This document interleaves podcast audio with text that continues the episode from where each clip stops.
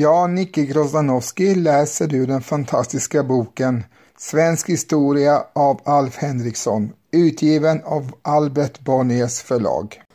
Kung Hans Kung Hans, som i gamla svenska kungalängder kallas för Johan II ibland, började sin regering i Sverige med att dubba några dussin adelsmän till riddare. Vilket säger rimkrönikan var mycket efterlängtat bland damerna. Ty endast riddarens hustru titulerades fru och endast konungar men aldrig riksföreståndare kunde slå folk till riddare. Han utnämnde vidare Sten Sture till rikshovsmästare och Svante Nilsson till marsk och försåg dem båda med lämpliga förläningar.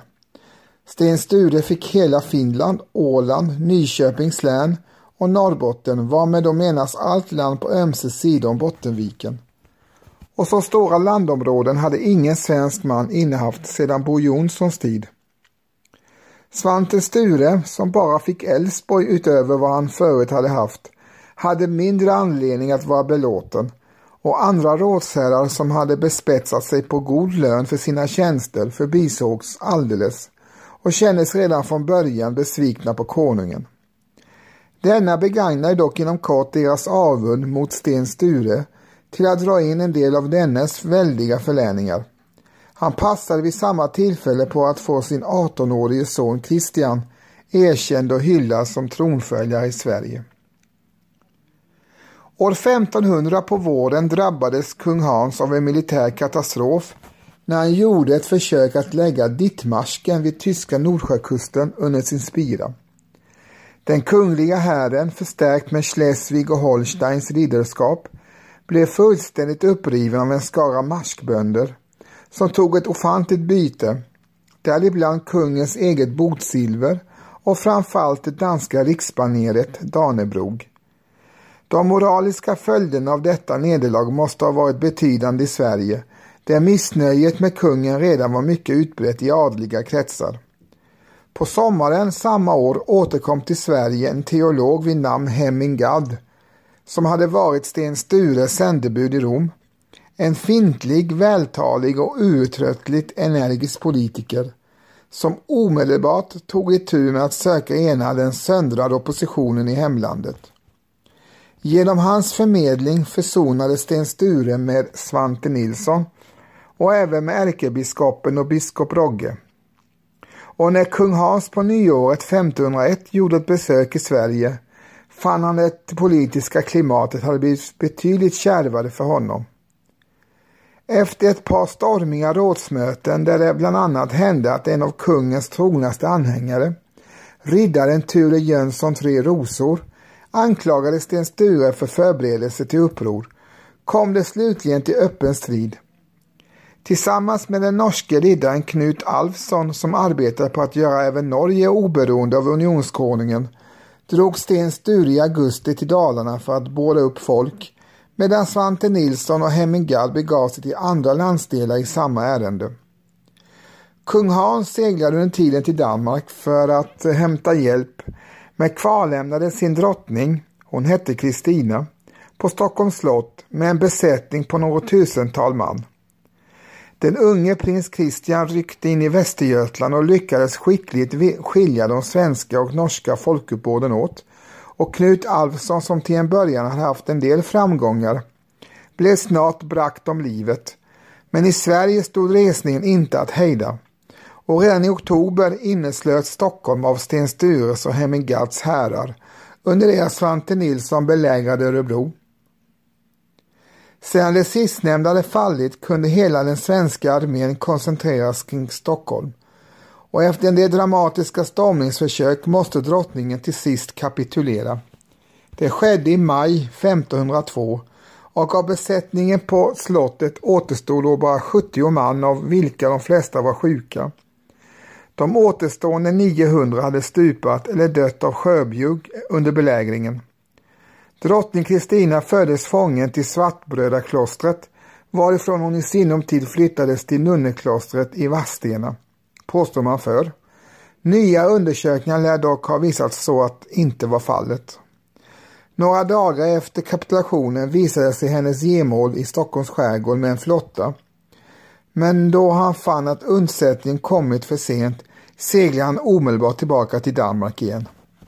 Drottning Kristina hölls i milt fängelse i Sverige ett halvt annat år, under vilken tid kriget mot unionskonungen Hans fortfor att rasa med oförminskad häftighet kring gränserna i söder. I slutet av år 1503 kom emellertid ett fredsmöte till stånd under Hansastädernas bemedling, vilket ledde till att drottningen frigavs. Av Sten Sture och Hemming Gatz jämte ett par svenska biskopar ledsagades hon högtidligen över danska gränsen till Halmstad och på återvägen därifrån sjuknade den gamle riksföreståndaren Sten Sture och dog vid jultiden i Jönköping. Hemmingad hemlighöll dödsfallet tills vidare och liket lär ha förts till Stockholm inlindat i bockskinn under det att en av den dödes tjänare tog plats i hans textläder iförd Sten Stures kläder och hans riddartecken. Från Gränna skickade Hemmingad bud till Svante Nilsson som befann sig på Stegeborg och strax före nyår hade alla intresserade personer hunnit samlas i Stockholm. Där Svante Nilsson under klart olagliga former omedelbart utsågs till riksföreståndare. Först därefter kunde man ge offentlighet åt gamle herr Stens bortgång och ordna med hans begravning. Svante Nilssons riksförståndarskap varade i åtta år och var en tid av nästan oavbrutet krig mot kung Hans och danskarna. Ty de fredsmöten som hölls med jämna mellanrum ledde till ingenting. Själv tycks riksföreståndaren inte ha varit någon särskilt framstående politiker och som den ledande kraften i hans regering framträdde alltmera Hemmingad, vars personliga fördel var oupplösligt förknippad med den svenska separatismens öde. Genom gamle Hestens försorg hade han nämligen blivit vald till biskop i Linköping. Men kung Hans såg till att han aldrig blev erkänd av påven som innehavare av denna befattning. Hemmingad fick därför nöja sig med titeln Electus utvald. Men så länge Svante Nilsson hade makten i landet kunde han lika fullt uppbära inkomsterna från stiftet, vilket han använde framförallt för militära ändamål. Han tycks ha varit en framstående fältherre som bland annat ledde belägringen av Kalmar med stor framgång och hans utrikespolitik gick framförallt ut på att överbringa en allians med Hansastäderna, vilket också lyckades. Han deltog förresten personligen i ett härjningståg med en lypsk flotta till de danska kusterna, varvid man bland annat brände ner Birgitteklostret Maribo på Lolland. Under loppet av år 1510 återförenades alla svenska slott och län utom Gotland i riksföreståndarens hand. Men i början av 1511 började kriget gå sämre. Från Norge bröt prins Kristian in i Västergötland där han brände ner ett par slott varefter han fortsatte till Jönköping som plundrades. Under inflytande av dessa händelser fick det svenska unionspartiet åter vind i segern och Hemingad som hotades av påvlig bannlysning tvangs av sina ståndsbröder att avstå sina inkomster som biskop i Linköping. Några månader senare hölls ett rådsmöte som förklarade riksföreståndaren avsatt. Denne vägrade att avgå men strax efter jul löste sig frågan av sig själv. Under ett besök i Bergslagen där man bland annat överlade om bästa sätt att utvidga driften i den nyss påträffade silvergruvan i Sala segnade nämligen Svante Nilsson plötsligt ner och dog. Sten Sture den yngre till riksföreståndare i Svante Nilssons ställe hade rådet valt den småländska adelsmannen Erik Trolle, vars släkt alltid hade stått på unionskonungarnas sida. Dess gods låg för övrigt på båda sidorna om gränsen till det danska Skåne. Rådets makt var emellertid numera inte stor eftersom rikets slott och län styrdes av personer som den förra regeringen hade tillsatt och den avlidne riksföreståndarens 20-årige son Sten Svantesson skyndade sig nu att försäkra sig om deras trohet varefter han med stort eftertryck kunde uppträda som motkandidat till Erik Trolle. En majdag 1512 hölls ett möte i Uppsala där den gamla ärkebiskopen Jakob Ulfsson på Erik Trolles vägnar förgäves vädjade till menigheten på torget samtidigt som Sten Svantesson lät hylla sig av sina anhängare på Mora äng utanför staden. Och ett par månader efteråt samlades de båda partiernas folk i Stockholm där de höll på att komma i krig med varandra och stod då redo att öppna eld med kanoner tvärs över Riddarholmskanalen, berättar Olaus Petri och tillägger att de var druckna mest allesammans. Någon skjutning blev det lyckligtvis inte av och vid riksföreståndarvalet några dagar senare segrade Sten Svantesson överlägset över sina medtävlare. Sten Svantesson, som egentligen tillhörde ätten Natt och Dag, antog strax efter sin upphöjelse släktnamnet Sture och som Sten Sture den yngre är han känd i Sveriges historia. Det är hans fader och hans farfader därför retroaktivt har omdöpts till Svante Sture och Nils Bosson Sture, trots att de själva aldrig kallade sig så. Namnet fanns dock i familjen, ty Nils Bossons morfar hade tillhört en halländsk ett som också hette Sture. Sten Sture den yngres namnbyte är helt i stil med hans politik, ty han var en skicklig demagog och propagandaman som konsekvent sökte frigöra sig från rådets inflytande genom att vädja direkt till menigheterna. Den idealisering av herr Sten Sture den yngre som möter i alla äldre historieböcker tycks det inte finnas några hävdatecknare som företräder längre. Ty hans efterlämnade papper frammanar minst av allt bild av en blid och trohjärtad riddarman. Tvärtom var han, säger professor Gottfrid Karlsson, den mot sina fiender hårdaste och hänsynslösaste av de tre riksförståndare som burit Sturarnas frejlande namn. Och det vill inte säga lite. Från Sten Stures första år som riksföreståndare antecknar Olaus Petri mera i förbigående ett par opolitiska händelser som han fann minnesvärda. Det året kom det romer till Sverige för första gången och vidare uppträdde i Stockholms svartbröderkloster en svavelpredikant som upplyste att staden skulle sjunka, varvid mycket folk skyndade sig att lämna staden. Tidens politiska händelser, allvarliga men inte mindre pittoreska, hängde samman med att flera viktiga poster bytte innehavare ungefär samtidigt som Sten Sture tillträdde sitt riksförståndarskap. Men den gamle Hemmingard tycks han inte ha stått på god fot med. Denne sköts undan till den föga viktiga befattningen som slottsherre på den åländska Kastelholm slott. Och biskopsstolen i Linköping som han under så många år hade aspirerats på gavs istället åt domprostens poten, Hans Brask. Ärkebiskop i Uppsala var alltjämt Jakob Ulfsson, men han var nu en gammal och ville dra sig tillbaka och till sin efterträdare begärde han Gustav Trolle, son till den utslagne riksföreståndaren Erik Trolle och själv en lärd man, ty han var en av de första svenskar som hade läst grekiska. Sten Sture kunde inte hindra domkapitlet att välja Gustav Trolle som strax därpå reste till Rom och högtidligen invigdes till sitt ämbete av påven. Kristian den andre i början av år 1513 dog kung Hans efter att ha ramlat i vattnet under en vintrig resa på Jylland. Han efterträddes av sin son Kristian II, en sällsynt begåvad men tydligtvis mycket obalanserad furste vars gärningar aldrig har upphört att förbrylla eftervärlden.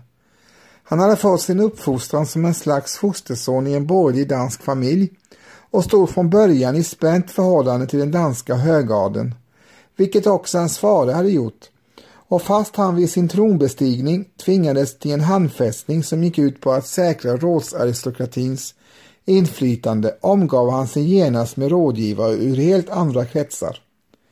En av dessa var den kloke och rättrådige borgmästaren Hans Mikkelsen i Malmö. En annan och ej mindre märklig var den holländska köpmannanänkan Sibrit Wilmus vars dotter Dyveke kungen hade förälskat sig i när han som kronprins och norsk ståthållare gjorde ett besök i bergen där de båda damerna då vistades. Dyveke förblev hans älskarinna och Sibrit behöll sin ställning som ett slags finansminister även sedan kungen kort efter sitt trontillträde hade förmälts med den habsburgska prinsessan Isabella alias Elisabet, syster till kejsar Karl V om vilket det sades i att hans välde gick solen aldrig ner. Ty det omfattade inte blott tyska riket, Italien, Nederländerna och Spanien, utan även de länder bortom haven som Columbus och andra sjöfarare i spansk tjänst nyss hade upptäckt och alltjämt var i färd med att upptäcka. Av släktskapen med kejsaren fick kung Kristian dock mindre fördel av än väntat. Ty kejsaren blandade sig föga i Nordens affärer och hade för övrigt stora och svåra bekymmer med alla sina egna riken och drottning Elisabet själv var bara ett barn. Hon var inte mer än 13 år då hon blev bortgift som med den nordiske monarken. Dyveke dog ung, men Sibrits inflytande över kung Kristian ökade lika fullt. Hon var en av de bästa finansministrar Danmark har haft, säger Troels Lund, den store kännaren av dansk 1500-tal. Och hennes initiativ i rikets styrelse har avsatt ekonomiska spår som till någon del består än idag. Exempelvis i den stora grönsaksfält som alla flygresenärer kan beskåda innan de tar mark på Kastrup utanför Köpenhamn. Till dessa leder sitt ursprung från holländska odlare som Sibrit lät inkalla till Amager.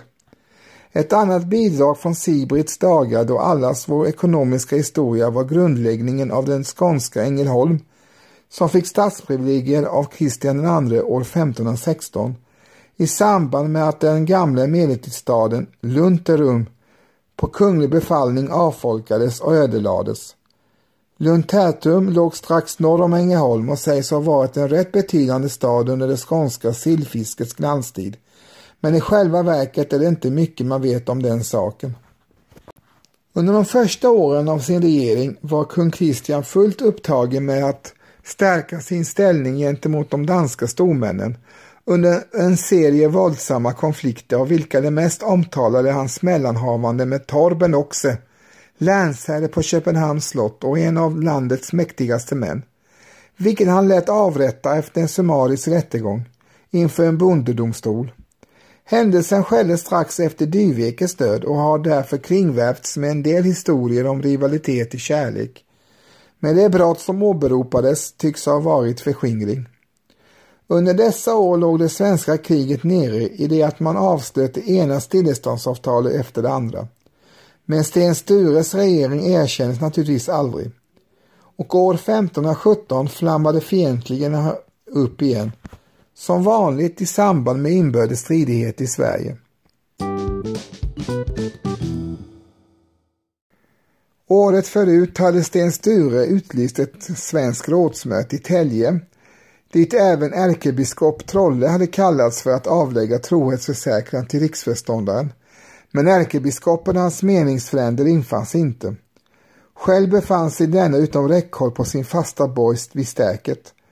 Men Sten Sture lät omedelbart efter rådsmötet fängsla hans fader Erik, Erik Trolle och några andra unionsvänliga herrar och började därefter belägra stäket. Och några månader senare fördes den gamle ärkebiskopen Jakob Ulfsson med våld till Stockholm från sitt pensionärshem Arnö, som skövlades och brändes. Kung Kristian skickar nu några hundratals man till Sverige för att undsätta stäket och ungefär samtidigt utfärdar den danska ärkebiskopen i Lund en bandlyssning mot Sten Sture och alla andra som har deltagit i aktionen mot hans svenska kollega. Den lilla hjälptruppen blev emellertid grundligt slagen vid byn Väddla som låg där Östermalm nu ligger. Och när man skickade några av de danska fångarna till stäket för att visa att ingen hjälp mer var att vänta förlorade Gustav Trolle modet och öppnade underhandlingar. Sten Sture inkallade då ett riksmöte i Stockholm dit även ärkebiskopen kom på given lejd och fick åhöra en bister anklagelseskrift. Han svarade emellertid att han inte erkände mötet som domare över sitt handlande och att han var ansvarig endast inför påven. Varjämt han pressades att säga att Kristian II var Sveriges laglige konung eftersom han hade hyllats som tronföljare i kung Hans tid. Efter dessa uttalanden kunde Sten Sture genomdriva ett mötesbeslut som gick ut på att Stäkets slott skulle brytas ner och att Gustav Trolle skulle avsättas som ärkebiskop. Mötesdeltagarna förband sig att en för alla och alla för en ansvara för detta beslut som de därpå bekräftar med sina sigill. Det är i detta sammanhang som Olaus Petri berättar den kända anekdoten om biskop Rask, vilken sägs ha smusslat in en papperslapp med påskriften Härtill är jag nöd och tvungen under vaxet i sitt sigill. Stärket föll snart och Gustav Trolle fördes där på fången till Västerås efter att ha tvingats nedlägga sitt ämbete. Biskopborgen revs omedelbart ner, vilket måste ha varit ett omfattande arbete. Den stenhög som återstår under träden och gräsrötterna på Stärkesön är alltjämt mycket stor. Ni har precis hört mig, Nicke Grozanowski, läsa ett stycke ur den fantastiska boken Svensk historia som är skriven av Alf Henriksson och utgiven av Albert Bonniers förlag. Signaturmelodin ni hörde i början är ju den berömda Fjäril vingar syns på Haga, även känd som Fredmans sång nummer 64, som är gjord av Carl Michael Bellman. Och som avslutning får ni höra Par Deus med gruppen Gotthard. Podden utkommer två gånger i veckan, lördagar och onsdagar, med bonusavsnitt lite då och då, så håll utkik. Tack för att ni lyssnade. På återhörande. Hej!